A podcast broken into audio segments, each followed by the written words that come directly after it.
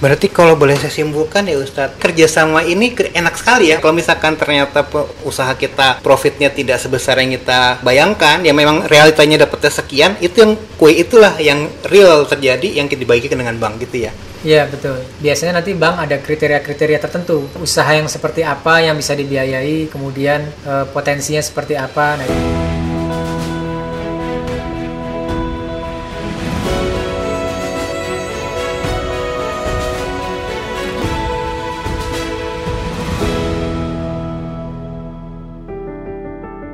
Assalamualaikum warahmatullahi wabarakatuh. Selamat siang Bemers. Perkenalkan saya Agung Nugroho dari Bank Muamalat dari lantai 19 Muamalat Tower di Jalan Satrio Jakarta.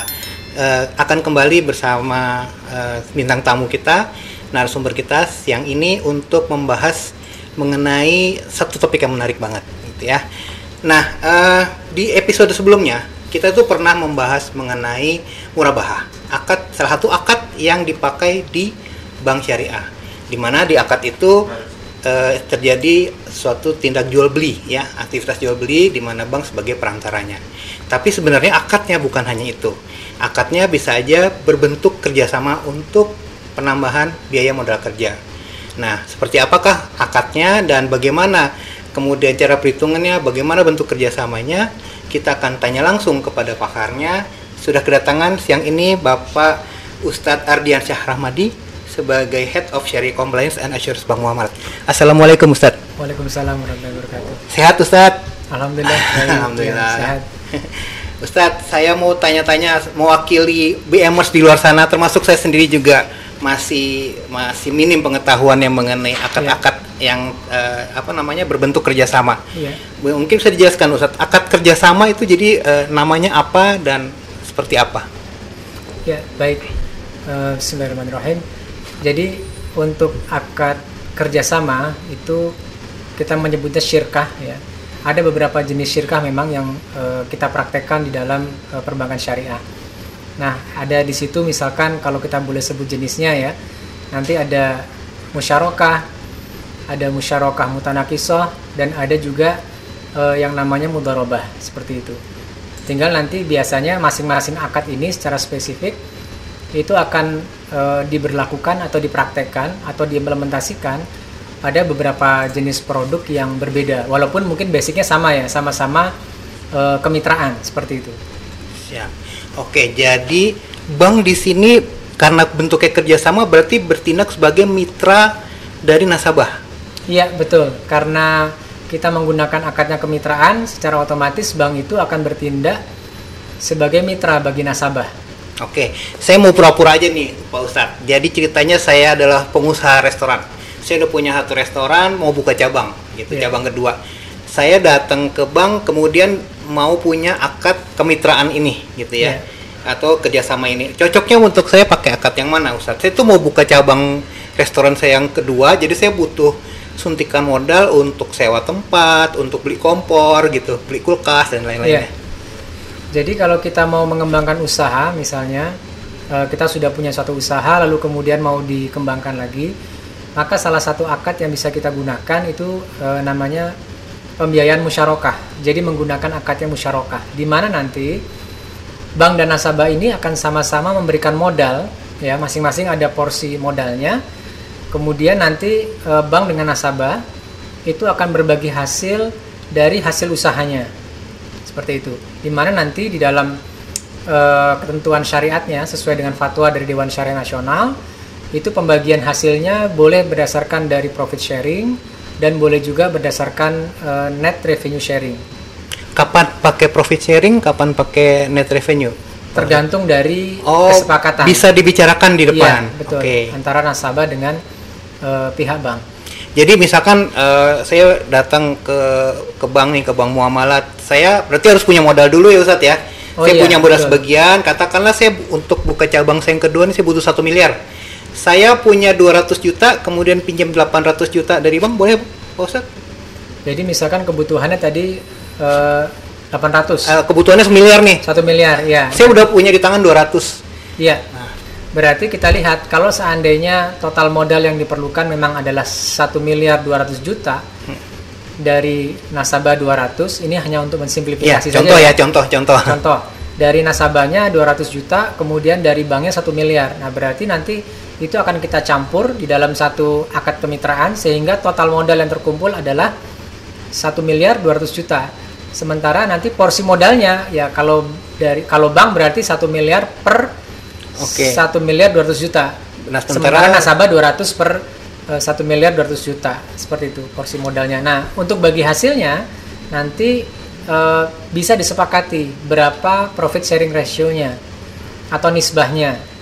Oke. Nanti misalnya sesudah apa namanya usaha saya berjalan menimbulkan keuntungan ya Pak Ustadz ya. Keuntungannya katakanlah eh, 100 juta, maka kita bagi berdasarkan proporsi tadi ya. Ya, betul. Jadi kalau seandainya misalnya keuntungannya 100 juta dan eh, nisbah kesepakatannya untuk bank misalnya 40 nasabah 60 berarti nanti 40 bagi 60. 40% persen oke. banding 60% pembagian dari profit yang muncul.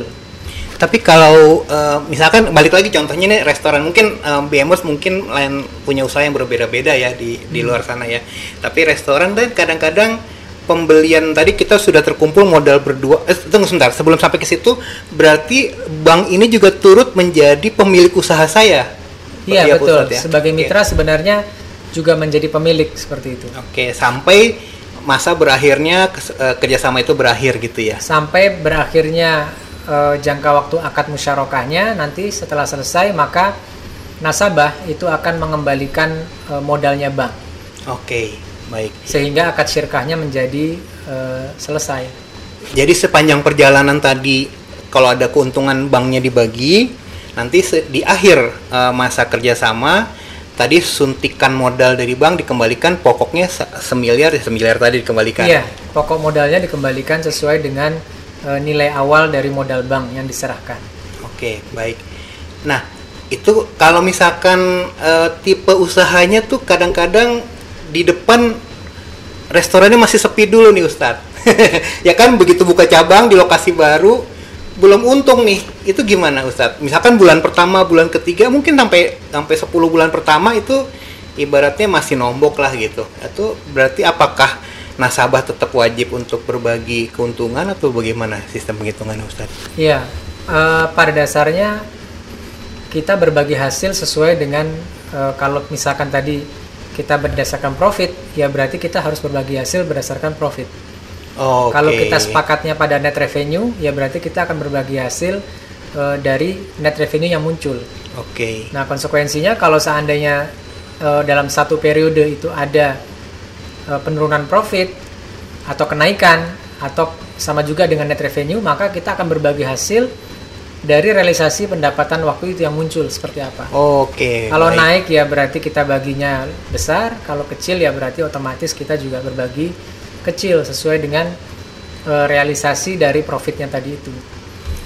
Berarti kalau boleh saya simpulkan ya Ustadz, eh, ibaratnya kerjasama ini enak sekali ya. Maksudnya kadang-kadang kalau eh, ya kita sesuaikan dengan realita di lapangan aja gitu ya. Kalau misalkan ternyata usaha kita profitnya tidak sebesar yang kita eh, bayangkan, ya memang realitanya dapatnya sekian, itu yang kue itulah yang real terjadi yang dibagikan dengan bank gitu ya. Iya betul. Iya. Baik. Nah, eh, makanya kemudian biasanya nanti bank ada kriteria-kriteria tertentu. Eh, usaha yang seperti apa yang bisa dibiayai, kemudian eh, potensinya seperti apa. Nah, itu nanti ada kriteria-kriterianya. Eh, itu yang nanti akan disepakati Karena- antara bank dengan nasabah. Karena bank juga pastinya tidak ingin membiayai ikutan jadi pemilik suatu usaha yang kira-kira prospeknya kurang baik gitu ya nanti tidak menimbulkan keuntungan. Iya betul, karena kan sebenarnya modal yang diberikan oleh bank itu juga merupakan amanah dari Betul. nasabah lainnya begitu sehingga kita juga perlu memastikan bahwa eh, usaha yang kita biayai dengan pembiayaan dengan akad musyarakah tadi itu memang usaha-usaha yang punya prospek yang baik, yang punya return yang baik juga seperti itu. Sehingga harapannya tentu akan menguntungkan bagi semua pihak ya.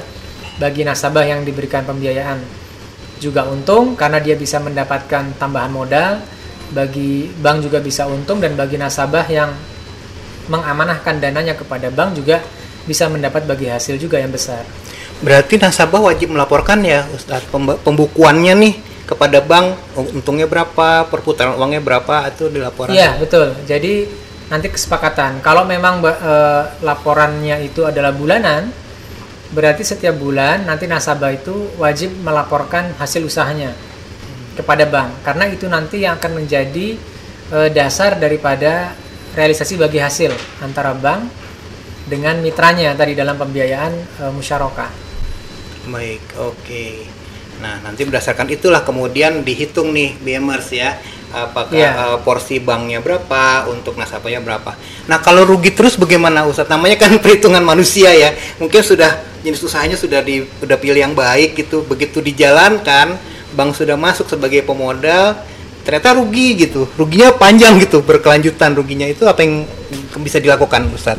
Ya tentunya nanti banyak hal ya. Uh, ada beberapa treatment yang bisa kita lakukan uh, dari mulai apa ya Eh, kesepakatan ulang ataukah mungkin ada perbaikan-perbaikan di dalam usahanya nasabah sendiri tapi intinya nanti bank juga akan e, mendampingi juga ya bagaimana supaya mungkin kalau misalkan terjadi penurunan ya usaha nasabah ini harapan kita bisa e, bangkit kembali begitu karena memang e, prinsip di dalam akad musyarakah itu adalah ya kita berbagi keuntungan sebagaimana kita juga berbagi e, kerugian begitu memang ada kondisi di mana nasabah itu dalam posisi rugi ya.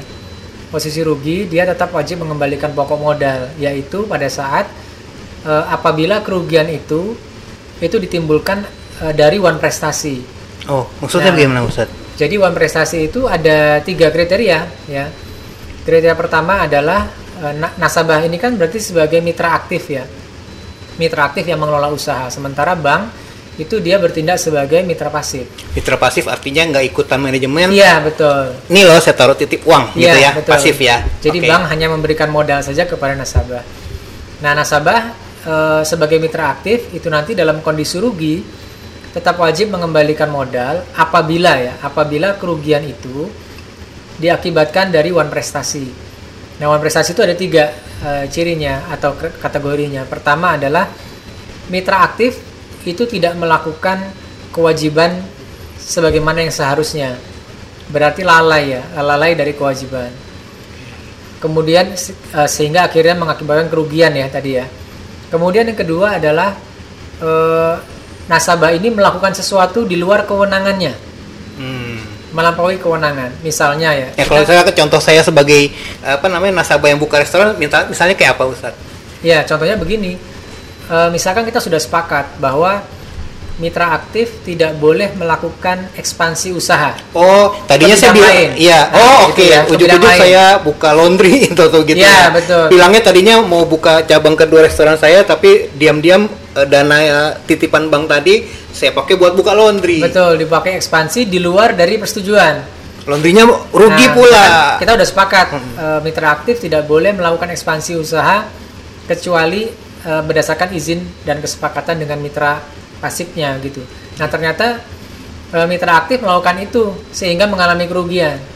Nah dalam kondisi yang seperti ini maka mitra aktif itu tetap wajib mengembalikan pokok modal karena ya. kalau untung ya pasti nggak ada namanya kan kerugian ya. Betul. Ya. Seperti itu. Itu dua usaha. Tadi pertama ada apa namanya one prestasi. Ya, lalai. Lalai. Yang kedua melampaui kewenangan, kewenangan. Yang, yang ketiga, ketiga menyalahi kesepakatan. Oh oke. Okay. iya. kesepakatannya tadi tadi itu ya. Kesepakatannya tadi sudah di udah spesifik nih dijelasin. Iya. oh ini uh, apa namanya mau dijadikan mitra permodalan mau buat apa? Mau buka cabang cabang restoran kedua atau tahu nah sayanya sebagai nasabah uh, terlalu kreatif gitu ya buka laundry atau buka apa dan usaha lain yang di luar kesepakatan dan ternyata menimbulkan kerugian akibat yeah, maka betul. akibatnya pokoknya uh, saya harus wajib mengembalikan uh, modal yang sudah dititipkan bank kepada saya iya betul oke okay.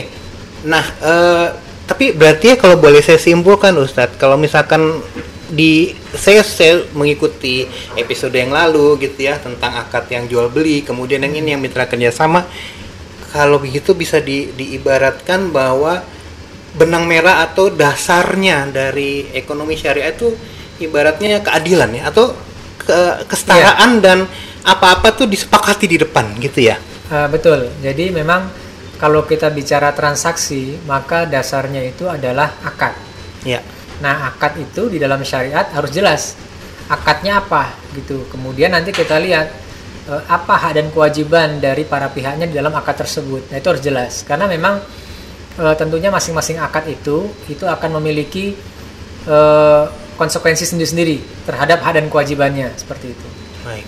Nah, makanya itu harus jelas. Kalau misalkan tadi kita musyarakah, berarti berapa modalnya bank, berapa modalnya nasabah sebagai mitra aktif. Kemudian eh, nasabah juga harus melaporkan pendapatan usahanya berapa setiap bulannya, tergantung kesepakatan. Kemudian nanti ada proses bagi hasilnya, kapan nanti mengembalikan modalnya, apa saja syarat-syarat yang disepakati. Nah, itu harus eh, jelas di awal ya. Dan kita akan mengikuti eh, apa namanya syarat-syarat yang memang melekat kepada akad tersebut seperti itu. Dan insya Allah selama kedua belah pihak menjalankan kesepakatan tersebut, insya Allah ya aman-aman saja perkerjasama tersebut gitu ya. Ya, insya Allah kalau kedua belah pihak itu eh, saling terbuka, saling amanah dan tidak eh, melakukan wan prestasi, insya Allah eh, semuanya akan lancar gitu ya. Kalaupun seandainya ada masalah, eh, insya Allah masalah itu akan mudah kita tangani dan kita perbaiki kalau seandainya memang ada hal-hal yang mungkin eh, apa namanya karena usaha ya tentunya kan ada hal-hal yang Baik. di luar prediksi kesulitan dan lain sebagainya itu insya Allah kalau di awal itu semuanya jelas harapan kita ketika ada kesulitan maka itu akan mudah untuk eh, kita selesaikan Oke. Baik, baik. Wah, menarik banget BMers.